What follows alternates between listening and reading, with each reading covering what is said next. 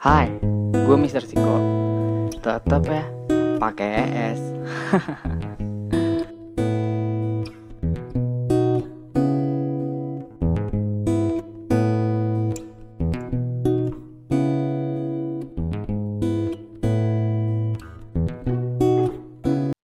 Nah, itu uh, menurutku ya, ya itu Ah. sih sebenarnya kembali lagi di etika itu tadi. Ya kan kita juga belajar lah. Sebenarnya norma-norma yang udah terbentuk dari dulu itu sebenarnya udah ya bisa kita relevankan lah ke zaman sekarang sebenarnya. Oke. Jadi memang dalam share konten ya ya harus bijak. Jatuhnya sih memang harus bijak gitu. Kenapa harus bijak? Apalagi eh, orang-orang yang punya follower tuh banyak. lah. Kita bisa bilang mereka itu public figure gitu di internet. Nabi baru di dunia sekarang tuh Bener banget. telegram cuy. Itu Telegram dan youtuber, bener kan? Iya, itu nabi baru loh itu. Jangan salah. Mereka tuh harusnya memposisikan diri sebagai ya orang yang bisa ngajarin gitu kan sebenarnya. Ya Bahkan- maksudnya Heeh. ya maksudnya kita bilang kayak gini aja. Eh ya mereka layaknya nabi, mereka tuh diikutin sama semua followernya. Apakah ya masa tega cuy gitu loh ngasih sesuatu tuh ya sebenarnya enggak ya mereka tuh sebenarnya tahu kalau ini tuh dampaknya tuh nggak bagus tapi kembali Iya, lagi iya, iya. nggak semua youtuber tuh otaknya nyampe gitu kan itu dia. Nah. itu dia. kembali lagi cuy mereka sebenarnya juga nggak tahu sebenarnya efek media itu apa dan kembali lagi pragmatisnya mereka tentang duit itu ya mereka cuma Hmm, ngincer ah hmm. udahlah gue viewer banyakin aja lah ya. Udah amat mau apa kayak yang penting gue dapet duit dari ads gitu kan. Nah itu tadi. Ya mereka menurutku ya tidak bijak dalam menggunakan media sosial. Oke, oke, oke, oke. Bahkan nih Rom ya, eh, mereka sebenarnya sadar kalau apa yang mereka lakukan itu merusak, tapi mereka tetap ngelakuin dan kalau misalnya pun ada yang menghujat, eh, menghujat, em, mereka beralasan, ya ini hak hak gue dong buat buat buat konten kayak gini. Kalau nggak suka ya udah tinggal tinggal tinggal skip atau apalah segala macamnya. Jadi mereka lebih nyalain followernya, kenapa lu ngikutin gue meskipun gue salah kayak gitu menurut menurut Irom gimana sih gitu dengan dengan dengan youtuber yang punya pola pikir seperti itu gitu loh Iya cuy, itu tuh eh gimana ya? Menurutku agak ada kesalahan berpikir gak sih kayak gitu tuh nah tuh sebenarnya. Iya kan? Jatuhnya Iya. jatuhnya kesalahan berpikir sebenarnya kalau kayak gitu. Karena ya gimana ya? Masa seseorang yang salah malah menyalahkan orang lain gitu loh. Istilahnya Nah. mereka melempar tanggung jawab itu kepada followernya.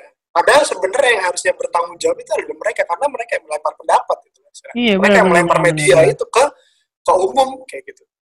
Ya jatuhnya kan lempar batu sembunyi tangan cuy. Ada. iya iya iya benar benar benar benar Mereka coba mencoba membalikan logikanya dengan ya udah lu lu kan bisa tekan tombol unfollow ya. Gimana cuy? Ya kalau misalnya ada yang nggak unfollow, mereka nggak ngerti misalnya. Atau mereka mungkin mereka cuma cari hiburan aja di situ. Ya meskipun mereka cuma nonton itu sebagai main-mainan, ya kan nggak tahu juga. Mungkin anaknya nonton kan, kita nggak tahu. iya iya iya iya benar benar benar miris banget ya Rom ya keadaan media sekarang gitu apalagi di Indonesia yang orang sebenarnya kaget sama sama sebuah perubahan yang mereka sendiri nggak siap akan perubahan itu benar ya Rom ya bener banget, bener banget. harusnya menurut Irom nih harusnya peran pemerintah atau di pihak-pihak terkait mengenai fenomena ini tuh gimana sih Rom harusnya? Jujur ya, aku tuh agak skeptis sama pemerintah. Oke, Tahu? Aku jujur, aku agak skeptis sama pemerintah karena kenapa nih? agak Jujur berat. aja nggak apa-apa. pemerintah kita deh agak gimana ya mereka kurang kurang baca kayaknya sih kalau menurut gue Kurang baca atau Mungkin kurang mereka- kurang aware nih? kurang aware bukan kurang aware sebenarnya malah menurut gue mereka tuh kaget kaget Oke. dengan dengan dengan disrupsi yang sebanyak ini kayak gitu Ah, mereka milenial nih harus kita incer lah gimana caranya wah konten inilah konten itulah bupati bikin apa namanya uh, tarian baby shark kayak apalah kayak gitu-gitu Oke, okay, oke. Okay. mereka ini sebenarnya kalau aku lihat mereka capek didisrupsi gitu loh sama anak muda mereka capek didisrupsi Mm-hmm. dari mulai penarikan stafsus lah DLL ini kan ya kita belum tahu gitu loh gimana sih sebenarnya uh, TUK-nya si stafsus ini misalnya kita bahasnya stafsus Oke. okay, TUK-nya stafsus ini untuk apa? Terus habis itu edukasinya tuh bentuknya seperti apa? Di mana? Kayak gitu. Ya mereka merasa kayak wah kita nih bingung nih gimana ya cara ngatasinnya. Ah udahlah tarik aja lah orang-orang milenial gitu masukin aja ke biar dapat dukungan gitu lah ya dapat dapat Ya, dukungan biar- lah dari milenials gitu ya. Ya mungkin itu satu. Terus mereka juga pengen tahu sebenarnya kayak gimana sih cara mengatasi yang kayak gini gitu. Tapi pada akhirnya mereka tetap terbawa. Mereka tetap terbawa sama arus disrupsi itu. Karena Iya, ya pola iya, pikir iya. mereka nggak secepat itu kayak gitu. Mereka termasuk baru dan ya kita tahu sendiri ya orang-orang pemerintahan itu kan rata-rata umurnya ya 40 ya 50 40 ke 60 atas lah ya gitu. 40 ke atas ya mereka itu juga ya apa ya nggak biasa lah untuk melihat informasi sebanyak ini kayak gitu. Mereka cenderungnya mager. Hmm. Cenderungnya mager untuk melihat untuk belajar belajar lagi kayak gitu. Banyak hal yang mereka oke urusi oke. Benar-benar Jadi benar. ya- mereka lebih mentingin kepentingan mereka sendiri kan? Untuk eh, entah itu ke politiknya entah itu apa mereka lebih sibuk tentang itunya daripada mengurusi hal ini gitu kan? Ya menurutku ya ada ada ada benernya lah di situ. Ada benernya cuman yang lebih besar lagi sebenarnya memang ya kita nggak bisa mengharapkan mereka jatuhnya oke sih gitu oke Karena Oke, memang ya udah bukan masanya gitu loh. Sebenarnya yang dituntut untuk mengedukasi masyarakat ya sebenarnya kita kita ini. Ya kita kita ini sebagai alumni kampus ternama lah jatuhnya. oke Ya Perlu mana gitu nih kampus nomor 4 di Indonesia gitu bangsa, bangsa. oke oke oke oke Jatuhnya tuh mana gitu loh. Maksudnya eh, kita tuh selama ini berpegang sama tridharma perguruan tinggi. Di mana gitu loh. Kalau misalnya kita tuh keluar tuh cuman ya elah kerja doang, bray gitu. jadi budak korporat lah istilahnya kayak gitu Iya, maksudnya Oke. apa gitu loh dampak lo untuk masyarakat tuh di mana kayak gitu. Kalau misalnya lu ya akhirnya jatuh, jatuhnya juga pragmatis gitu. Ilmu lu lu simpan sendiri gitu. Hmm. Ya sia-sia kuliah lu.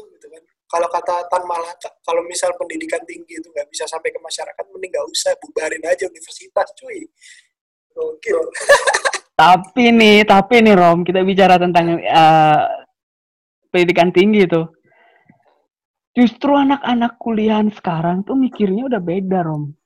Mereka kuliah ya untuk diri mereka sendiri, Tri- Tridharma perguruan tinggi jauh udah bergeser, peran fungsi mahasiswa pun sudah nggak berlaku. Yang sekarang eh, hype adalah gimana caranya untuk memperkaya diri lewat embel-embel sukses tuh ke depannya. Ya, Itu yang Nah, mereka ya. cari. kembali lagi, kembali lagi itu tuh efek media sosial.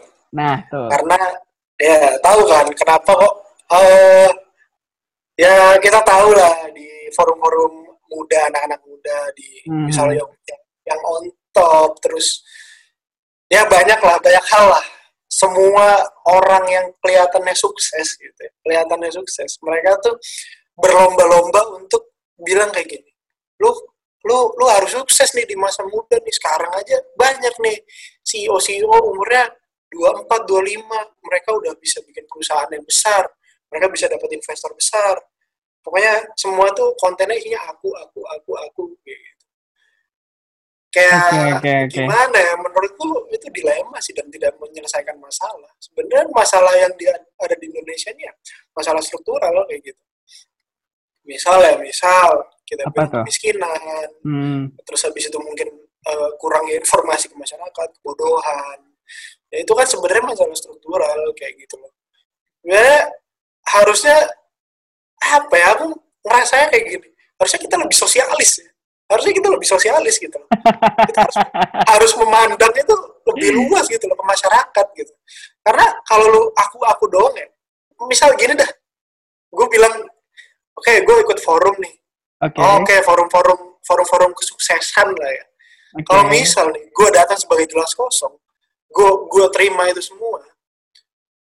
Misalnya, ternyata itu memang bukan bidang gue gitu. Misal memang gue nggak pas di situ misalnya. Uh-huh. Tapi gue terima semua nih. Ternyata gue nggak bisa melakukan itu. Terus, tapi gue selalu selalu ngikutin itu terus. Lama-lama apa cuy? Pola pikir yang terbentuk sukses itu adalah gue harus punya duit banyak di usia 20-an. Terus habis itu gue harus dapet investor, gue harus ya pokoknya gimana caranya gue tuh harus eksis lah kayak kayak kayak panutan gue kayak nabi gue gitu nabi gue oke oke oke oke oke padahal itu kan suatu pemikiran yang salah kalau menurut gue kan ya itu kan ya gimana gitu out of mind sebenarnya kalau kita lihat hmm. kenapa kok yang yang kita soroti itu adalah sesuatu berbau kesuksesan gitu. Padahal bentuk kesuksesan itu pun sebenarnya beda kan tergantung relatif. Uh, uh, benar, iya, benar. tergantung orangnya. Relatif banget dalam menyikapi apa kesuksesan itu gitu. Iya, iya. Kita sukses menghadapi hidup kita juga itu sebuah kesuksesan, benar nggak sih? Hmm, iya benar sih. Ya itu kembali lagi kan sebenarnya kan yang sadar seperti itu ya kebanyakan memang ya ya kita kita ini di kampus-kampus besar hmm. yang seharusnya kita itu lebih peduli sama yang ya namanya seperti ini fenomena-fenomena seperti ini kayak gitu. Tapi menarik nih, jatah, uh, bicara tentang kampus nih ya kan, harusnya hmm. emang uh, kita sebagai anak kampus yang berkecimpung di dunia organisasi kemahasiswaan itu harusnya kita berpikir hmm. atau berorientasi berdasarkan peran dan fungsi mahasiswa. Benar dong? Ya, karena perguruan tinggi, benar dong? Hmm, harusnya itu gitu. pedoman kita gitu. Itu kan hmm. salah satu esensi kenapa ada nama Maha di depan siswa. Benar kan? Yeah. Keistimewaannya adalah itu. Tapi pada implementasinya kita bisa lihat um, ini deh di kampus kita sendiri deh. Berapa persen ormawa yang emang nggak mikirin ormawanya sendiri. Nah, itu another masalah struktural, cuy. Iya nggak sih? Menurut berapa ente? persen tuh? Pikirin deh. Berapa persen kaderisasi yang ada di kampus kita yang nggak mikirin dirinya sendiri? Bahkan gue pernah nih ada hal yang unik nih. Salah satu uh, adik kelas gue uh, di, di, di, di jurusan gue tuh ngomong gini Rom, gue nggak mau mikirin ITS, gue cuma mau siskal doang bisa nggak? Gue nggak mau KM ITS, gue cuma mau siskalnya doang gimana nggak? Itu gue denger denger omongan kayak gitu gue langsung miris gitu. Kayak ibaratnya lu nggak pengen jadi warga Indonesia, lu cuma pengen jadi warga Jakarta, bisa nggak sih? Sampai pola pikir, sampai pola pikirnya sampai kayak gitu Rom. Hmm. Jadi, dari dari yang cendikiawan aja ini ibaratnya orang yang terdidik aja mikirnya seperti itu. Apalagi masyarakat luas orang awam yang tidak mengenyang pendidikan tinggi. Gitu. Gimana cara mikirnya? Gitu loh jadi ini apa yang harus dirubah? Apakah sistemnya atau seperti apa? Dilema banget kan media sosial yeah. seperti itu gitu. Pasti. Nah itu jadi maksudnya gimana ya? Itu tuh kembali lagi ya. ya banyak pihak yang dilibatkan gitu loh istilahnya. Iya iya iya, iya. pola pikir kan. Nah itu tadi. ya aku sebagai ya istilahnya yang dulu membawahi media komunikasi lah di ITS ya aku ambil caseku aja lah ya. Karena iya, iya. itu kan jatuhnya jauh tuh. Itu jauh banget. gitu. Uh, iya iya iya. benar, gitu kan. Karena aku kan kominfo gitu. tapi tapi tunggu dulu. Kominfo itu harusnya juga ada hubungan sampai SDM kan? Karena apa? Kominfo juga berhubungan langsung dengan pola pikir manusia karena dia juga ah, salah satu pembentuk pola pikir manusia benar nggak? Ya benar Karena jauh lebih krusial tuh sebenarnya. Nah itu tadi sih sebenarnya gini cuy. Oke lah kita bahas kominfo ini. Ini agak okay, okay, okay, panjang okay, mungkin. Iya iya iya kita tuh sebenarnya uh, punya program lah ya istilahnya namanya BMS AMS kan. Basic Media mm-hmm. School sama Advanced Media School. Di di Basic Media School ini memang uh, kita lebih fokus sama uh, eksekusi media aja bagaimana yeah, iya. mereka yeah. tuh tahu media dan bagaimana mereka tuh tahu cara membuat ya, media karya di media. Iya iya iya. Nah, kalau misalnya udah masuk ke advance media school, ya ini konsepku ya, tahu sih masih iya, yeah, iya. atau enggak. ya pokoknya di AMS ini itu eh, kita udah belajar itu lebih ke dampak medianya seperti apa? Sebenarnya apa sih sebenarnya yang bisa dilakukan sama media itu? Kalian tuh bisa ngapain aja sih di sini? Kayak gitu. Ya mungkin mirip-mirip TM lah ya. Cuma Iya memang iya iya. nggak iya. se nggak nggak se general TM TM kan agak Oke general oke oke oke. dan mungkin teorinya teorinya lebih banyak lagi. Kalau misalnya di AMS ini spesifik.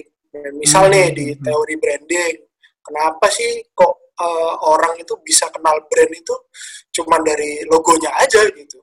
Terus kenapa sih brand-brand itu mereka itu udah nggak promote produknya mereka tapi mereka lebih promote tentang lifestyle penggunanya. Misal mungkin tentang fenomena-fenomena yang terjadi misal Nike eh, bikin campaign tentang eh, si siapa yang baru meninggal tuh Black Mamba Kobe Bryant. Bukan ya? Siapa namanya? Nggak tahu. si Siapa? Jordan Jordan. Jordan Oh, Jordan ya Michael Jordan Ah. kan kan? iya iya yang baru meninggal Michael Jordan Iya iya iya iya iya. nah Michael Jordan fans-fans mereka kan rata-rata Michael Jordan kayak gitu nah kenapa Nike ini ikut istilahnya mereka mereka ikut berduka lah sama Michael Jordan meninggal kayak gitu ya karena memang eh, branding itu udah mereka itu nggak butuh branding tentang produk mereka mereka lebih menaikkan bagaimana orang itu bisa attach gitu loh mereka orang itu bisa punya emotional attach sama si produk ini jadi Oke. mereka udah mulai meluas tuh udah mulai meluas promosinya udah nggak ngomong produk mereka lagi bahkan mereka nggak promosi pun pasti ada yang beli produk mereka Iya iya benar itu benar sebenarnya benar, benar. bagian dari branding. Jadi mereka udah mulai brand-brand ini udah mulai masuk ke eh, segi psikologi, psikologis dari eh, si penggunanya kayak gitu. Ya memang kita belajarnya di sana sih kalau AMS. Dan kembali lagi dilema lagi, memang eh, yang banyak belajar seperti ini memang anak DKV. Kembali lagi anak Oke. DKV. Anak desain lah, jatuhnya anak desain dan nggak semua anak desain ngerti. Iya iya iya iya paham Kayak gitu paham, ya. paham paham paham. Nah, semua anak desain itu suka lah istilahnya mengkaji hal-hal yang seperti ini. Ya, aku juga miris gitu kan. Karena memang belum bisa berkontribusi besar untuk jurusanku sendiri sebenarnya. Oke. Tapi ya at least aku udah membentuk itu di AMS, aku pernah ngisi materi AMS tentang itu juga. Jadi at least ya murid-muridku dulu di AMS ngerti lah kayak gitu. Oke oke oke oke. Nah, habis itu ya harusnya sih kita kembali lagi ke dasar, kembali lagi ke dasar di semua eh, lini apa ya istilahnya? Ya lini kemahasiswaan jatuhnya. Kita harus kembali Iya. lagi ke dasar gitu. Sosmas itu harusnya ya lebih ke masyarakat. Pengaderan itu harusnya kita kaji lagi apa sih sebenarnya pengaderannya? Apakah kita cuman harus cinta jurusan saja ataukah kita harus cinta ITS ataukah kita harus cinta masyarakat gitu nanti bakal ada sistem-sistem yang bakal berubah kayak gitu. Ya ini kita nggak oke tahu ya. oke. Kembali lagi itu juga banyak faktor yang mempengaruhi. Ya salah satunya juga pastinya media sosial. Aha. Oke Rom, kita balik ke eh, case media ini ya. Menurut Ihrom nih ya, dosa media terhadap kerusakan moral bangsa ini tuh gimana sih? Ya dosanya itu banyak cuy. dosanya besar sekali sebenarnya. Kalau kita bilang dosa, dosanya besar sekali. Apa dosa pemerintah? Oke oke. Dosanya itu oke. saat dosanya itu di dua sebenarnya ada di dua faktor ya. Satu Apa itu tuh? faktor publikasi, Hmm, faktor publikasi informasi. Di- yang kedua itu faktor filtrasi informasi. Dua itu sih sebenarnya menurutku dosa terbesarnya sih. Para stakeholder ini nggak bisa nggak bisa memfiltrasi informasi-informasi atau at least memberi pelajaran kepada masyarakat tentang pentingnya filtrasi informasi. Itu satu. Kalau yang kedua publikasi itu adalah ya media-media tadi, media-media besar itu tadi Oke oke oke. media-media besar itu sangat tidak mendidik menurutku. banyak udah banyak yang mendidik sebenarnya udah banyak yang mendidik. Cuma em, gimana ya? Aku bilang agak agak kurang dalam. dan Oke, mereka agak oke, kurang oke. beretika sih jatuhnya ya. Misal ya, mereka cuma bahas lifestyle-nya aja kebanyakan.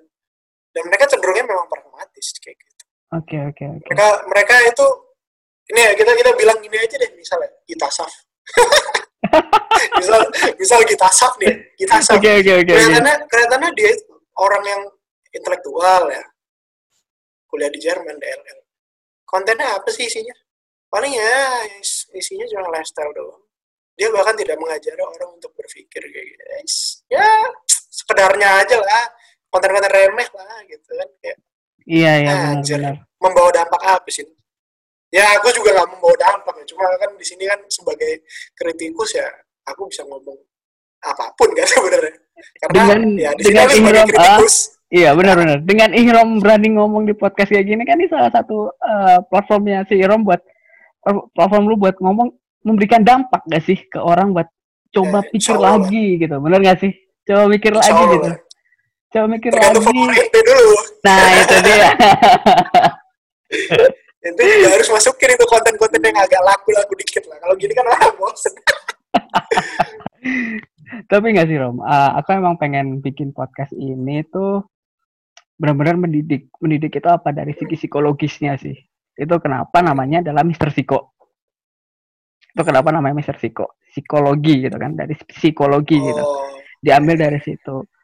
Eh, gue tuh pengen chan- eh, channel ini atau podcast ini tuh bisa melekin orang buat aware sama mental health mereka gitu. Pak.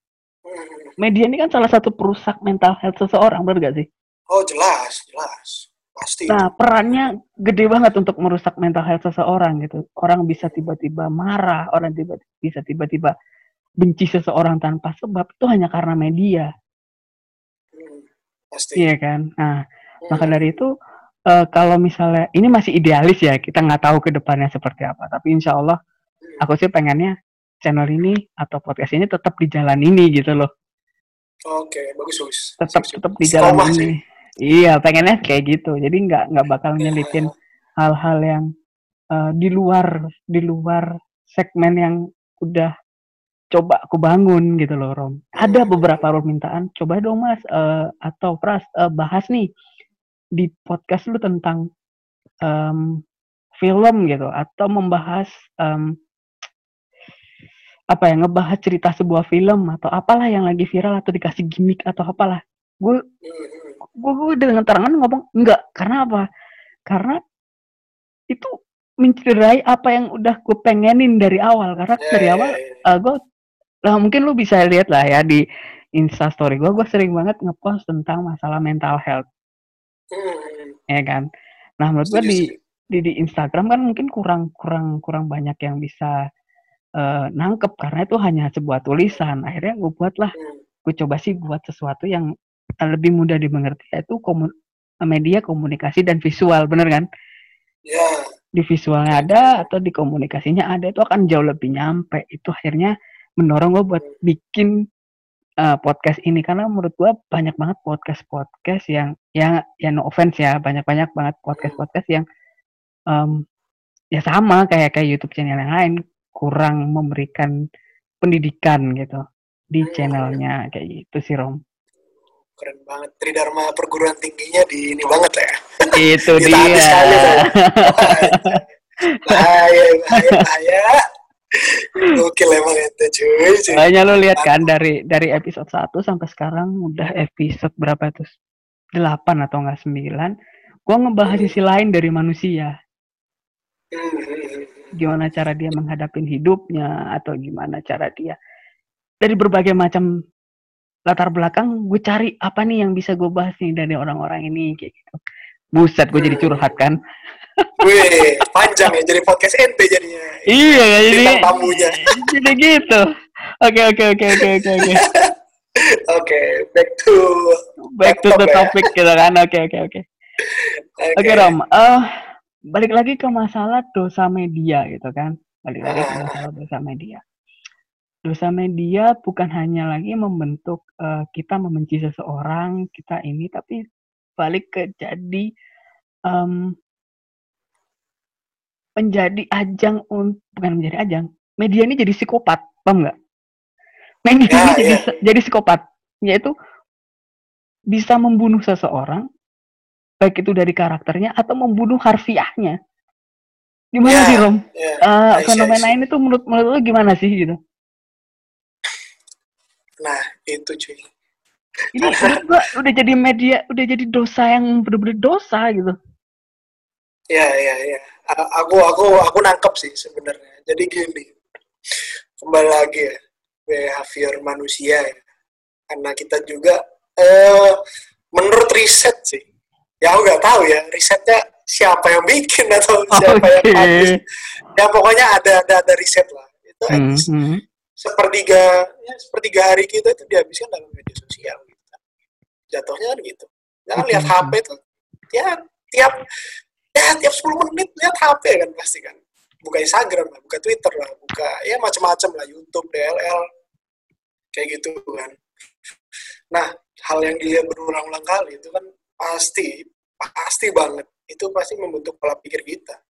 Iya Gak benar. mungkin kita kita itu apa ya eh, bisa memfiltrasi sesuatu sering itu gitu kan. Hmm. Ya itu bisa kecuali kita kita punya kita punya ilmu lah untuk itu.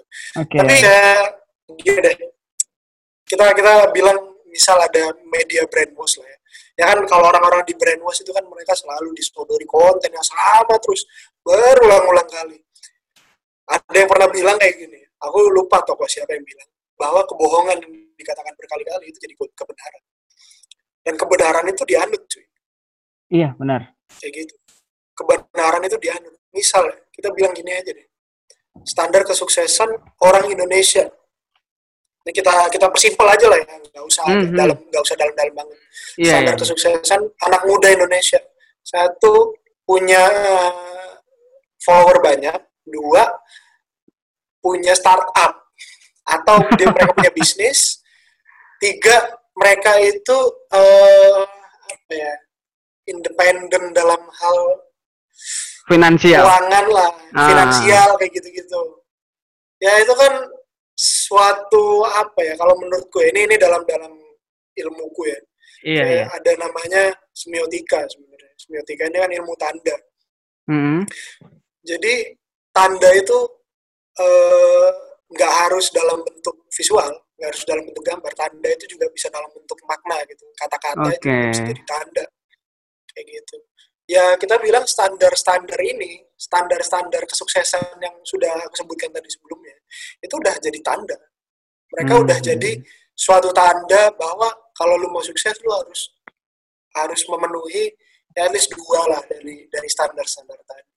Oke. Dan ini tuh penganutnya banyak, penganutnya banyak dan istilahnya gini cuy, ini tuh tanda ini kitab suci nih, kitab suci. Misalnya, misalnya Iya ini iya. tuh Ten Commandment nih yang dipegang Nabi Musa nih. Ada 10 peraturan nih. Kita bilang ada empat tadi kan, ada empat standar. Orang Oke, sukses. Nabinya, nabinya banyak. Nabinya youtuber-youtuber nih. Orang-orang sukses ya, Gita Asaf, lah, ya Belva, eh siapa lah gitu misalnya. Oke oke. Orang-orang oke. sukses sama CEO, ini nabinya nih. Nabinya ini menyebarkan ajaran ke ke para pengikutnya. Para pengikutnya kan pasti kayak, oh iya emang bener ya, kayak gitu. Yang yang bener tuh kayak gini, sukses tuh. Gue harus kayak gini. Pada akhirnya apa? Pola pikir yang terbentuk. Mereka tuh nggak diajari sebenarnya. Kalau mereka nggak sukses di sini, mereka tuh bisa sukses di yang lain. Mereka nggak diajari eh, apa namanya istilahnya memandang dari perspektif lain kayak gitu. Karena Iya mereka iya. iya. ditutup aja di situ gitu. Mereka kelihatannya open minded kayak, oh bahasnya ini itu ini itu pengetahuan banyak. Padahal apa? Kelas main. Goblok juga sebenarnya. Aduh, aduh, aduh, aduh, aduh, aduh. Nah itu tadi sebenarnya yang bikin media tuh brutal. Ya bubble itu juga salah satunya itu. Kenapa? Ya memang yang bikin media sosial ya pengennya dapat duit memang kayak gitu. Goalsnya emang Ya, dapat duit gitu. Esensinya Iyalah, udah ntar aja gitu. Bodoh amat Ntar lah aja. gitu. Nah itu tadi lah istilahnya kita kita harusnya memandang fenomena etika ini lebih dalam lagi gitu. Kita harus membuat suatu media yang bertanggung jawab, bukan Hmm. lagi suatu media yang berguna. Berguna Iya. banyak cuy, berguna Iya. banyak, tapi harus bertanggung jawab kayak gitu. Apa bentuk tanggung jawabnya? Ya itu tadi memberikan informasi secara uh, luas, memberikan perspektif kepada masyarakat kayak gitu Hmm, sih hmm, kalau hmm, hmm. menurutku. Ya Oke, tadi yang oke, kamu bilang oke. brutal itu kayak gitu sih. Oke, oke, oke, oke. Kalau kita bicara tentang brutal ya kan, apalagi orang